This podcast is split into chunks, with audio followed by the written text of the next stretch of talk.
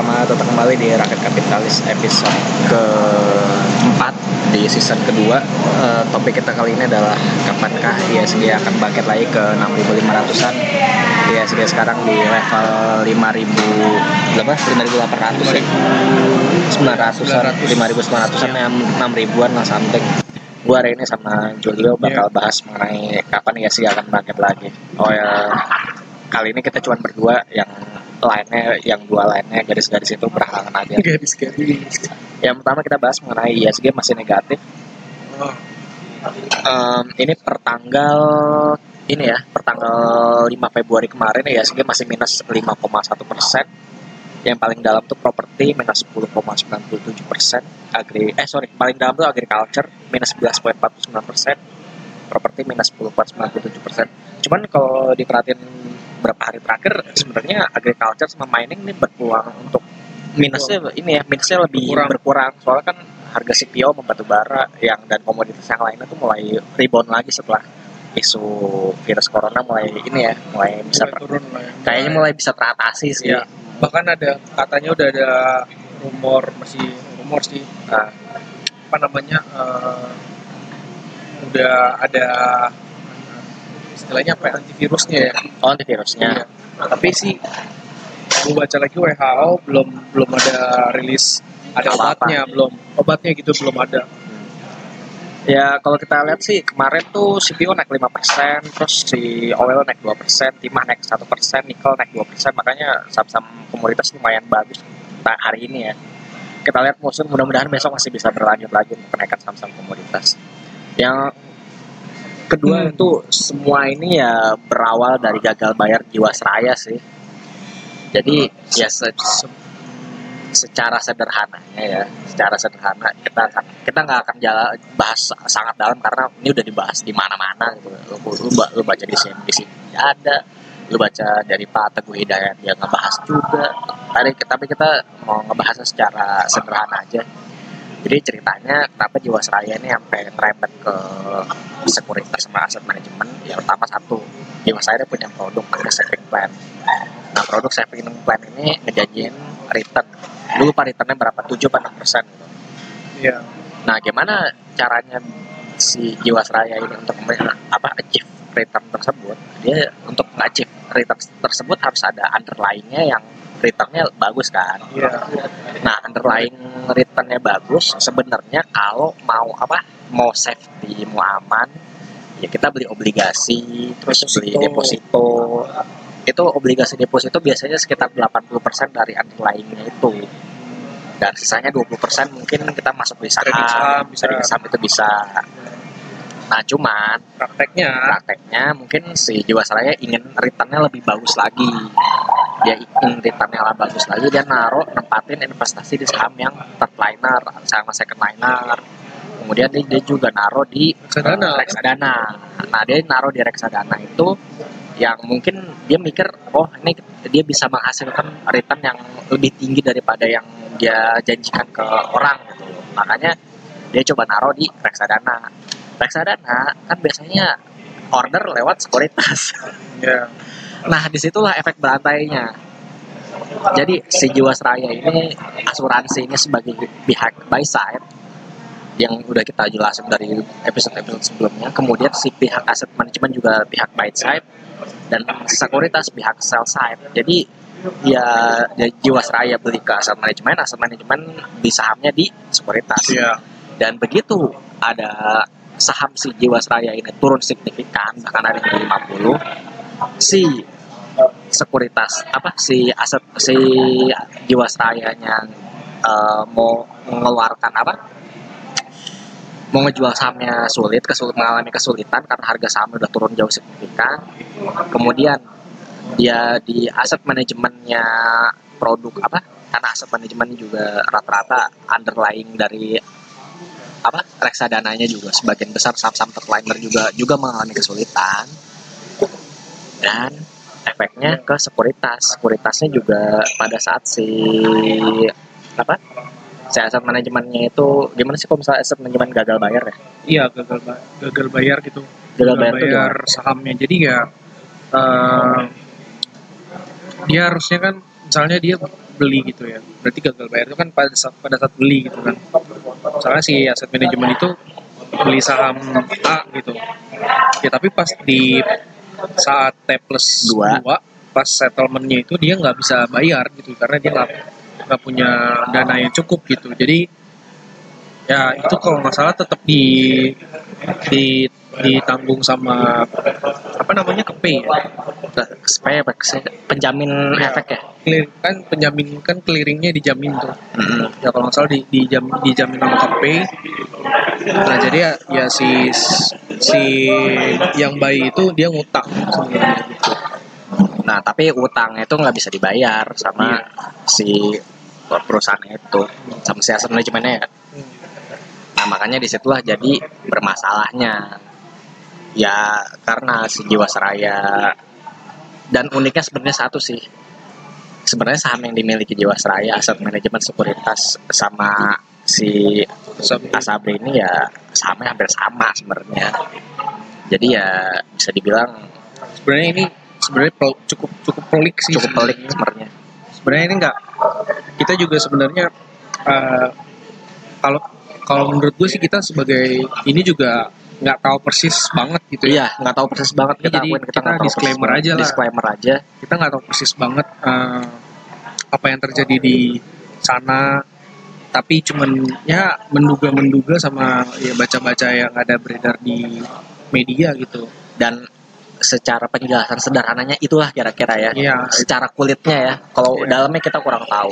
Secara kulitnya seperti itu ada ada sesuatu, sesuatu janji return yang nggak bisa tepatin lah ditepatin lah intinya gitu. Karena dia juga jadi gini sih sebenarnya. Mungkin pasar modal Indonesia ini selama ini terlena dengan eh, room yang yang ada. Mungkin ya gitu ya. Ya ibaratnya mungkin selama ini eh, ya udah bisa kok kayak gitu gitu. Sesuatu yang dianggap common, Wajar. eh, wajar padahal sebenarnya itu Ya, menyalahi aturan menyalahi juga, aturan dan gitu. wajar juga. Dan sebenarnya ya udah terbiasa kayak gitu. Ya kita udah ya udah bertahun-tahun misalnya kayak begitulah kira-kira misalnya. Lalu saat ini eh, bahkan penegak hukum itu bertindak gitu kan bukan cuma OJK gitu. Bahkan yang turun tangan sampai ke Jagung gitu kan. Kejaksaan agung. Nah itu sebenarnya yang mungkin beberapa orang kaget. Jadi ya satu persatu sih sekarang kayak jadi kelihatan gitu yang mana yang da- bisa dibilang ya curang gitu ya. Bukan curang sih. Yang mana yang menyalahi aturan lah. Iya menyalahi aturan. Menyalahi aturan tim satu persatu sekarang kebuka gitu kebongkar ya cuman ya gini ya maksudnya ini pasti sementara efeknya. Terus juga investor-investor yang lainnya juga karena merasa takut akhirnya jadi menahan diri untuk transaksi segala macam. Tapi gua kasih tahu aja ini efek sementara kok. Paling lama tuh ya bisa yang bulanan bisa sih, tahu sih. Nggak- emang gak ada yang bisa tahu. Cuman Iya. kemungkinan besar sih mu- mudah-mudahan nggak lama. Soalnya kalau ini berlangsung cukup lama bertahun-tahun yang rugi tuh institusi keuangan secara keseluruhan enggak institusi pasar modal Pasar secara modal. pasar modal secara keseluruhan modal ya. itu rugi banget orang Iya. mau- ya gimana ya asuransi aja sekarang orang mau ini takut dicairin orang pada nyairin asuransi segala Iya. macam iya terus juga reksadana orang pada redeem yang untuk sa- saham segala macam jadi ya itu sebenarnya nggak bagus juga tapi ya gimana emang ada emang ada mas ada salahnya ya harus diperbaiki. Cuman ya mudah-mudahan aja itu cepat iya, selesai sih. ini jadi sebenarnya eh, peraturan yang sedang ditegakkan yang menyebabkan ya pihak-pihak yang melanggar tuh se- sekarang ya lagi diberes-beresin lah gitu di di bahkan ada yang ditangkap juga kan sama polisi gitu kan. Ya ya cuman kita akan mungkin akan bahas hal itu di lain kesempatan kita akan bahas selanjutnya. Yang kedua penyebaran virus corona. Ya sebenarnya udah nggak terlalu ini masih banyak yang meninggal masih banyak yang udah dirawat tembus juga. dari udah tembus angka 500 orang ya hari cuman ini hari yang sembuhnya juga makin banyak mudah-mudahan Oh, gitu. sih ya semuanya juga makin banyak mudah-mudahan sih ini secepatnya bisa ditanganin sih ya Ya mohon maaf.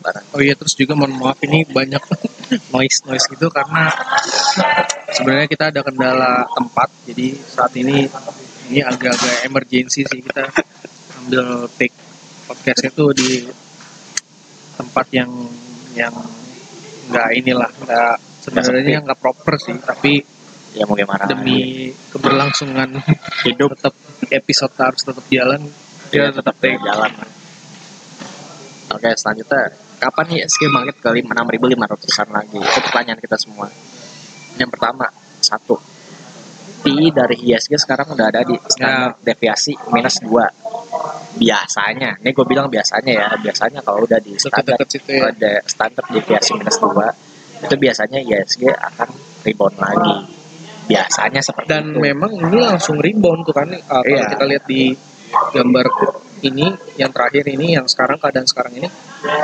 Dia ini di PI 18,4 18,4 ini sekitar 5.800 something 588 apa gimana gitu kalau nggak salah.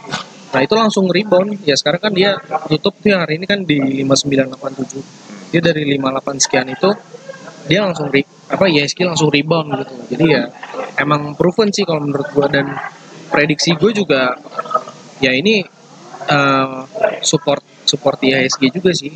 Melihat dari PI-nya ya. Dan melihat dari evaluasi PI-nya gitu. Tapi pertanyaannya, bisa nggak ini tembus dari standar eh, standar deviasi minus dua? Jawabannya Oh, bisa. pin- ke bawah gitu lebih Jawabannya bisa. Yes, jauh- Jawabannya bisa. jelas bisa Jelas bisa. Ya. Cuman yang mudah-mudahan ya itu nggak kejadian. Itu aja sih yang kita harapkan sebenarnya. ya makanya Kemudian yang kedua, perlambatan ekonomi pertumbuhan ekonomi Cina diperkirakan akan melambat. Kita lihat dari 2011 sampai 2019.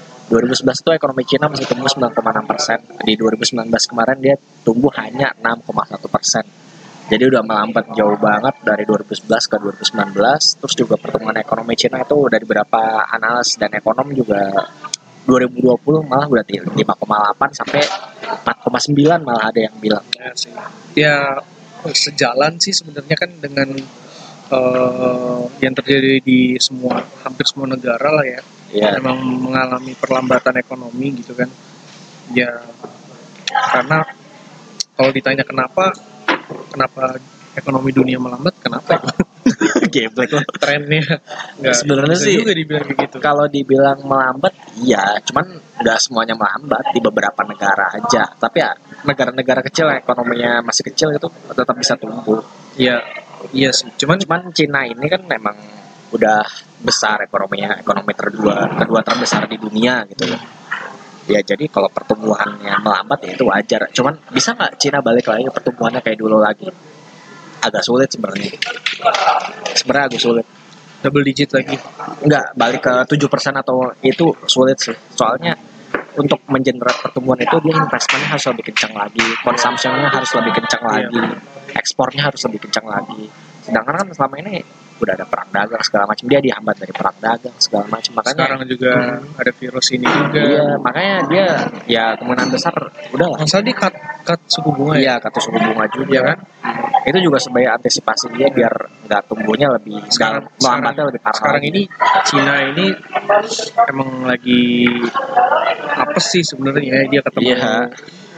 Donald Trump gitu ketemu kan virus corona, ketemu virus corona tapi ya ya kayak gitulah nggak tahu lah kenapa kayak gini. Dan Indonesia yang lebih sebenarnya yang lebih khawatir sih ya negara kita sebenarnya. Soalnya kan partner terbe- dagang terbesar kita ya si Cina. Cina itu sendiri.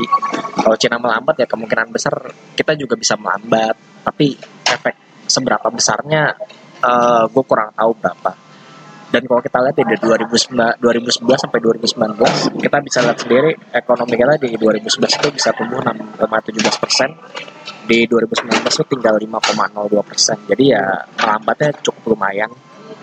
Tapi kalau kita lihat dari 2015 sampai 2018 ada sedikit peningkatan dari 4,88 persen ke 5,17 persen. Dan kembali melambat lagi di 2019 ke di 5,02 persen jadi ya sebenarnya nggak tahu ya kalau misalnya kebijakan fiskal sama kebijakan moneter kita tetap sama sih ya kita bisa pertemuannya lebih lambat lagi data yang sekarang. Dan sebenarnya ini ini hari ini hari Kamis kan baru baru rilis nih tadi.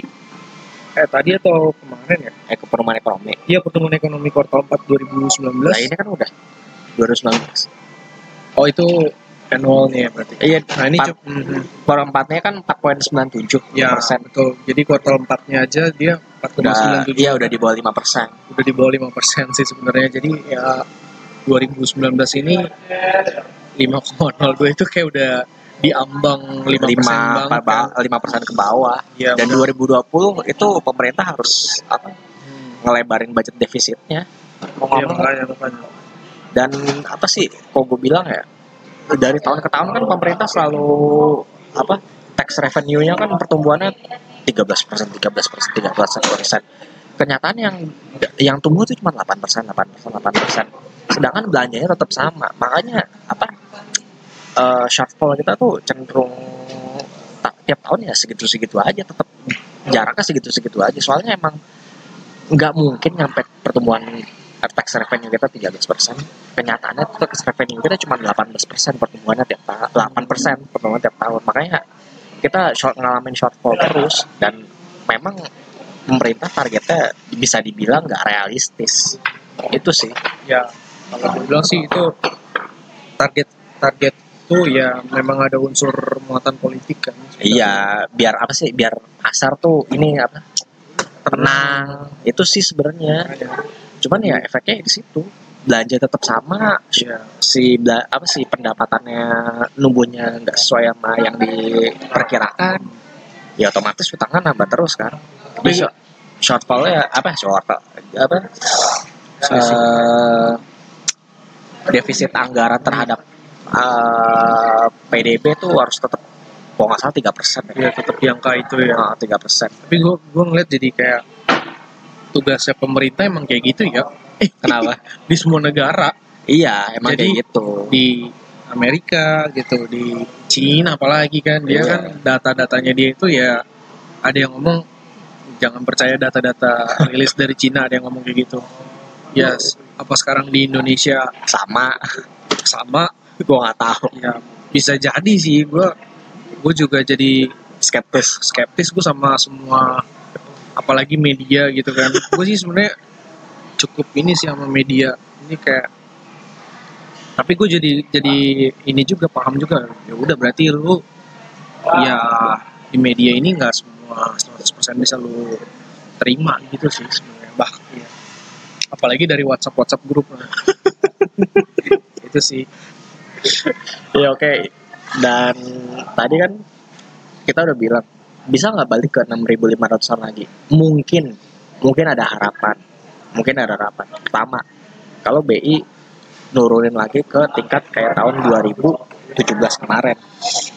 Di 2017 kemarin itu sekitar 4,75 persen. Jadi masih ada room sekitar 25 basis poin sampai 50 basis poin.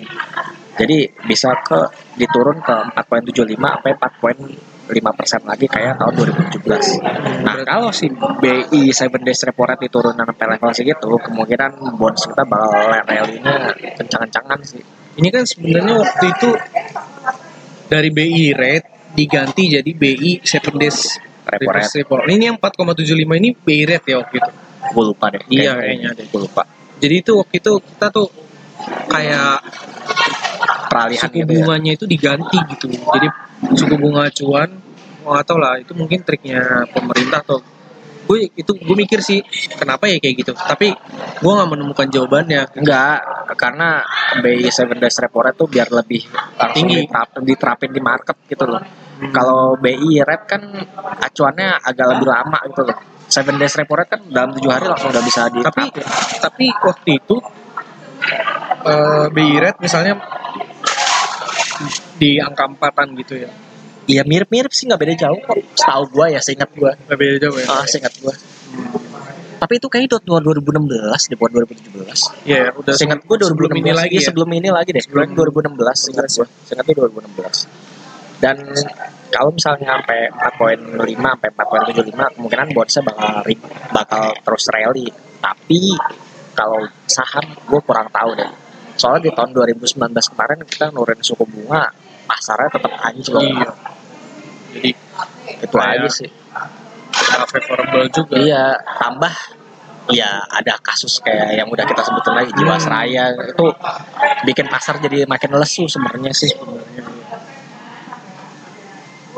Ya tapi yang patut kita syukurin juga rupiah juga masih yang terkuat di Asia Tenggara sih sampai sekarang. Sampai sekarang ya, sampai Iya. tanggal Sekarang tanggal 6, 6 Februari 6 Februari itu kita masih menguat 1,59 persen, sedangkan yang lainnya masih melemah sih ya. Terutama Bat Thailand melemah 4,46 persen. Tapi kita sendiri masih menguat. Itu yang bisa kita syukurin sih. Dan pertanyaannya bisa nggak balik lagi? Mungkin. Balik lagi ke mana nih Mas? 6500 mungkin. Mungkin bisa. Gue bilang mungkin bisa. Tapi nggak di semester 1 kayaknya. Hmm, mungkin di semester 2 kalau menurut pendapat gue gitu ya. Kalau lo semester 1 semester 2 kayak dukun banget itu pak.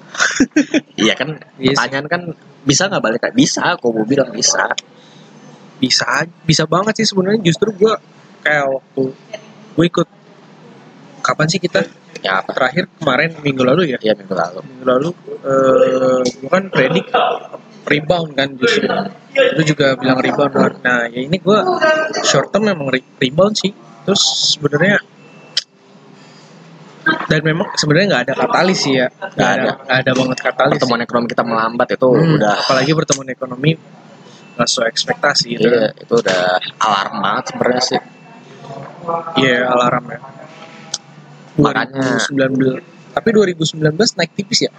apaan pertemuan ISG, ekonomi ISG aja ISG oh enggak turun juga turun ya. turun mana naik ya gue lupa deh antara naik tipis kalau nggak turun tipis juga tapi nggak begitu signifikan Nggak begitu pokoknya signifikan ya kalau nggak salah. kalau cuma tumbuh satu persen apa berapa Iya. gitu. 2020 ini eh, nggak ada yang optimistis, optimisme dari mana-mana sih sebenarnya apalagi Iya.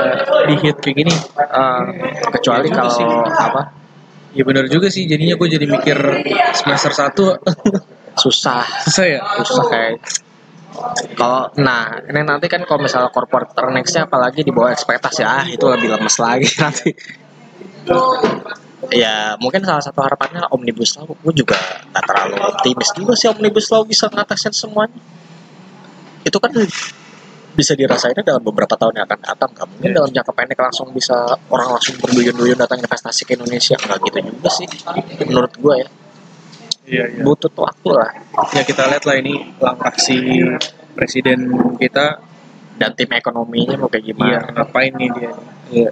Dia kan eh, ibaratnya nih sekarang mau be- udah udah jelas nih dia beresin pasar modal banget nih, ya kan sesuai dengan pidato pembukaannya dia pembukaan awal tahun di bursa. Di bursa, Di bursa ya, di, ya. di MPR juga sih, dia benar. OJK dia, dia ngomong kayak gitu kan. ya. pokoknya satu habis diberesin jangan lupa dibenerin lagi. Iya, ntar di apa dibongkar doang tuh nggak diberesin lagi. Itu repot itu. Ntar yang ada berantakan. harus di maintain sih. iya jangan udah dibongkar terus nggak di di ibaratnya di maintain lah. iya ini punya mobil punya mobil ada yang rusak dibongkar habis dibongkar ya jangan sampai didiemin aja ditinggalin ya itu bahaya sampai jalan kan. Iya, kalau bisa dibenerin, di las lagi segala macam dicat ulang sampai bisa mobil itu jalan lagi. Itu sih harapan kita. Ya intinya ya sih bisa nggak ke 6.500 lagi? Bisa, cuman mungkin mungkin di semester 2 nggak semester 1 mungkin. Gue bilang gue tetap optimis bisa sih. Tapi semester 2 itu tebakan gue sih. Kalau tebakan lo? semester 2 gue sih sebenarnya ini sih nggak ada nggak ada gambaran 2020 ini Mau kayak gimana? iya gila ini sekarang blank banget malah justru malah justru lebih ke bearish kan malah Iya. justru lebih kayaknya banyak berat banget gitu buat naik gitu Nah justru di sebenarnya di saat saat di saat saat kayak gini pas saat hopeless hopeless kayak gini iya gitu orangnya Aku harus ngomong. buy. nah ada kan yang ngomong kayak gitu lu eh, lu harus panik saat semua orang tuh euforia Iya. tapi di saat semua orang hopeless di situ opportunity-nya sebenarnya lu buat beli. Nah, Nah, tadi gue mau ngomong juga tuh, jadinya ya ada benernya juga sih tuh ngelawan Nggak ngelawan sih. Ngelawan. Iya. Ya? Kita bisa ngeliat apa yang kita beli dulu lah nih. Contohnya nih Iya, iya. satu BRI ISG udah turun 5, lim- sekitar 5 persenan tapi dia cuma turun berapa persen doang tetap kuat kok di atas at Iya. least ya dia bisa turun ke 4.460 ini ada kemungkinan bisa rebound lagi 4.700 jadi selama lo belinya tepat Iya sih. sahamnya tepat ya lu Survive. bisa survive Ini kan saham terbesar kedua di ISG Sekarang ini. sekarang ini. BCA yang pertama. Lu beli ini ya lu bisa survive. Lu tahan ini deh. Di sampai 2021 lah at least. Lihat aja nanti kayak gimana hasilnya. Tapi kalau mau trading ya lu bisa. Beli di 4460 jual di 47 atau mana itu bisa kayak gitu. Lu lihat aja BRI kayak gimana. Makanya ini salah satu yang mungkin minggu ini ini yang bisa dilihat sih minggu depan kemudian LSIP LSIP kan tadi gue udah bilang Agri ya. Agri tadi CPO-nya rebound luar biasa. CPO turun sekitar berapa persen, tapi sahamnya turunnya lebih dalam lagi. Ya kalau si CPO-nya bisa reboundnya bagus, sahamnya pasti bisa kemungkinan bisa reboundnya lebih kencang lagi. Kemungkinan benar. seperti itu. Kemungkinan ya seperti itu. Kemudian PTPP. Ini PTPP Nah, iya nih. double bottom. Tapi dia ada resisten di 41495. Kita lihat lah, kalau mau, mau nyoba-nyoba sih bisa sih. Cuma target pertama di 1495, target kedua di 1700. Ya nggak usah muluk-muluk lah. Di 1495 aja udah Iya, bagus lah ya. Harganya sih satu empat dua puluh. 1420 ya, 1495 aja lah dulu target pertamanya. Mono Golden Course juga kan. Tapi ya mudah-mudahan sih masih bisa berlanjut ya. Kita itu aja sih harapannya. Soalnya emang pasar lagi bener-bener lagi nggak enak emang. Kemudian SMRA, SMRA SMRA juga juga. sama. Polanya mirip-mirip, cuman dia baru single bottom doang. Properti sih ya. Iya, ini resistannya di 935, keduanya di 1035. Lo lihat aja nanti kayak gimana. Pokoknya target pertama di 935, target kedua di 1035. Mudah-mudahan dia nggak bikin support yang baru ya. Ini juga kalau bikin support yang baru, ini juga bikin support yang baru repot ceritanya nanti. Mudah-mudahan ini support support, support inilah support kuatnya di situ lah mudah-mudahan. Kemudian kita bahas ISG. ISG sekarang resisten di 6000 supportnya di di bulan Mei Resisten di 2018. 6.000, Pak. Iya, untuk sementara. Dan support di 2018 Mei itu di 5827. Dan support keduanya itu di 5937. Jadi at least mudah-mudahan ya ISG bisa lewat di 6000 dan ke 6100-an. Tapi itu butuh effort yang sangat keras banget. Gua akuin sih. Sebenarnya kalau support kayaknya mendingan di bawah Perlu mau pakai ini, Pak. Mau jadi, pakai tail. Iya, jadi di bawahnya persis gitu. Eh, sorry sorry. Iya, jadi di bawah persis gitu sih. Kalau ya sama ya kira-kira 5800-an lah ya. Tapi memang itu udah di level ekstrim sih ya. Iya itu level ininya lah ibaratnya.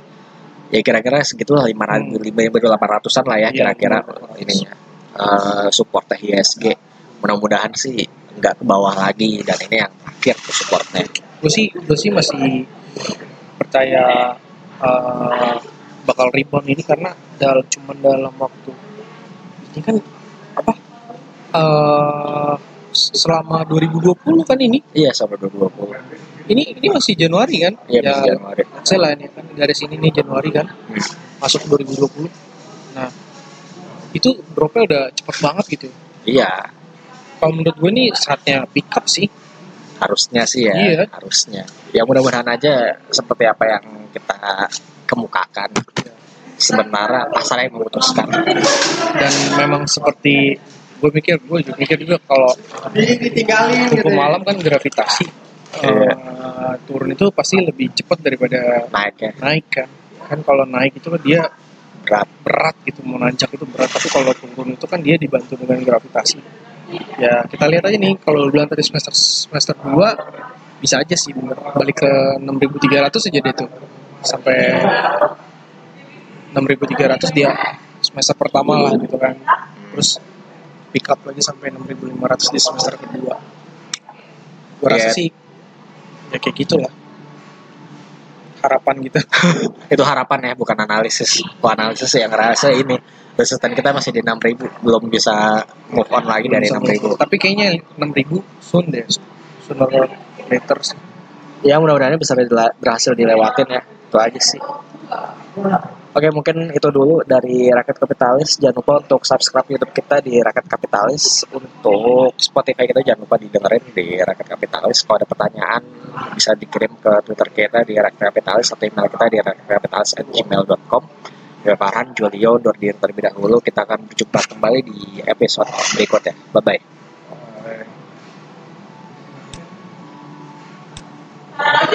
bye.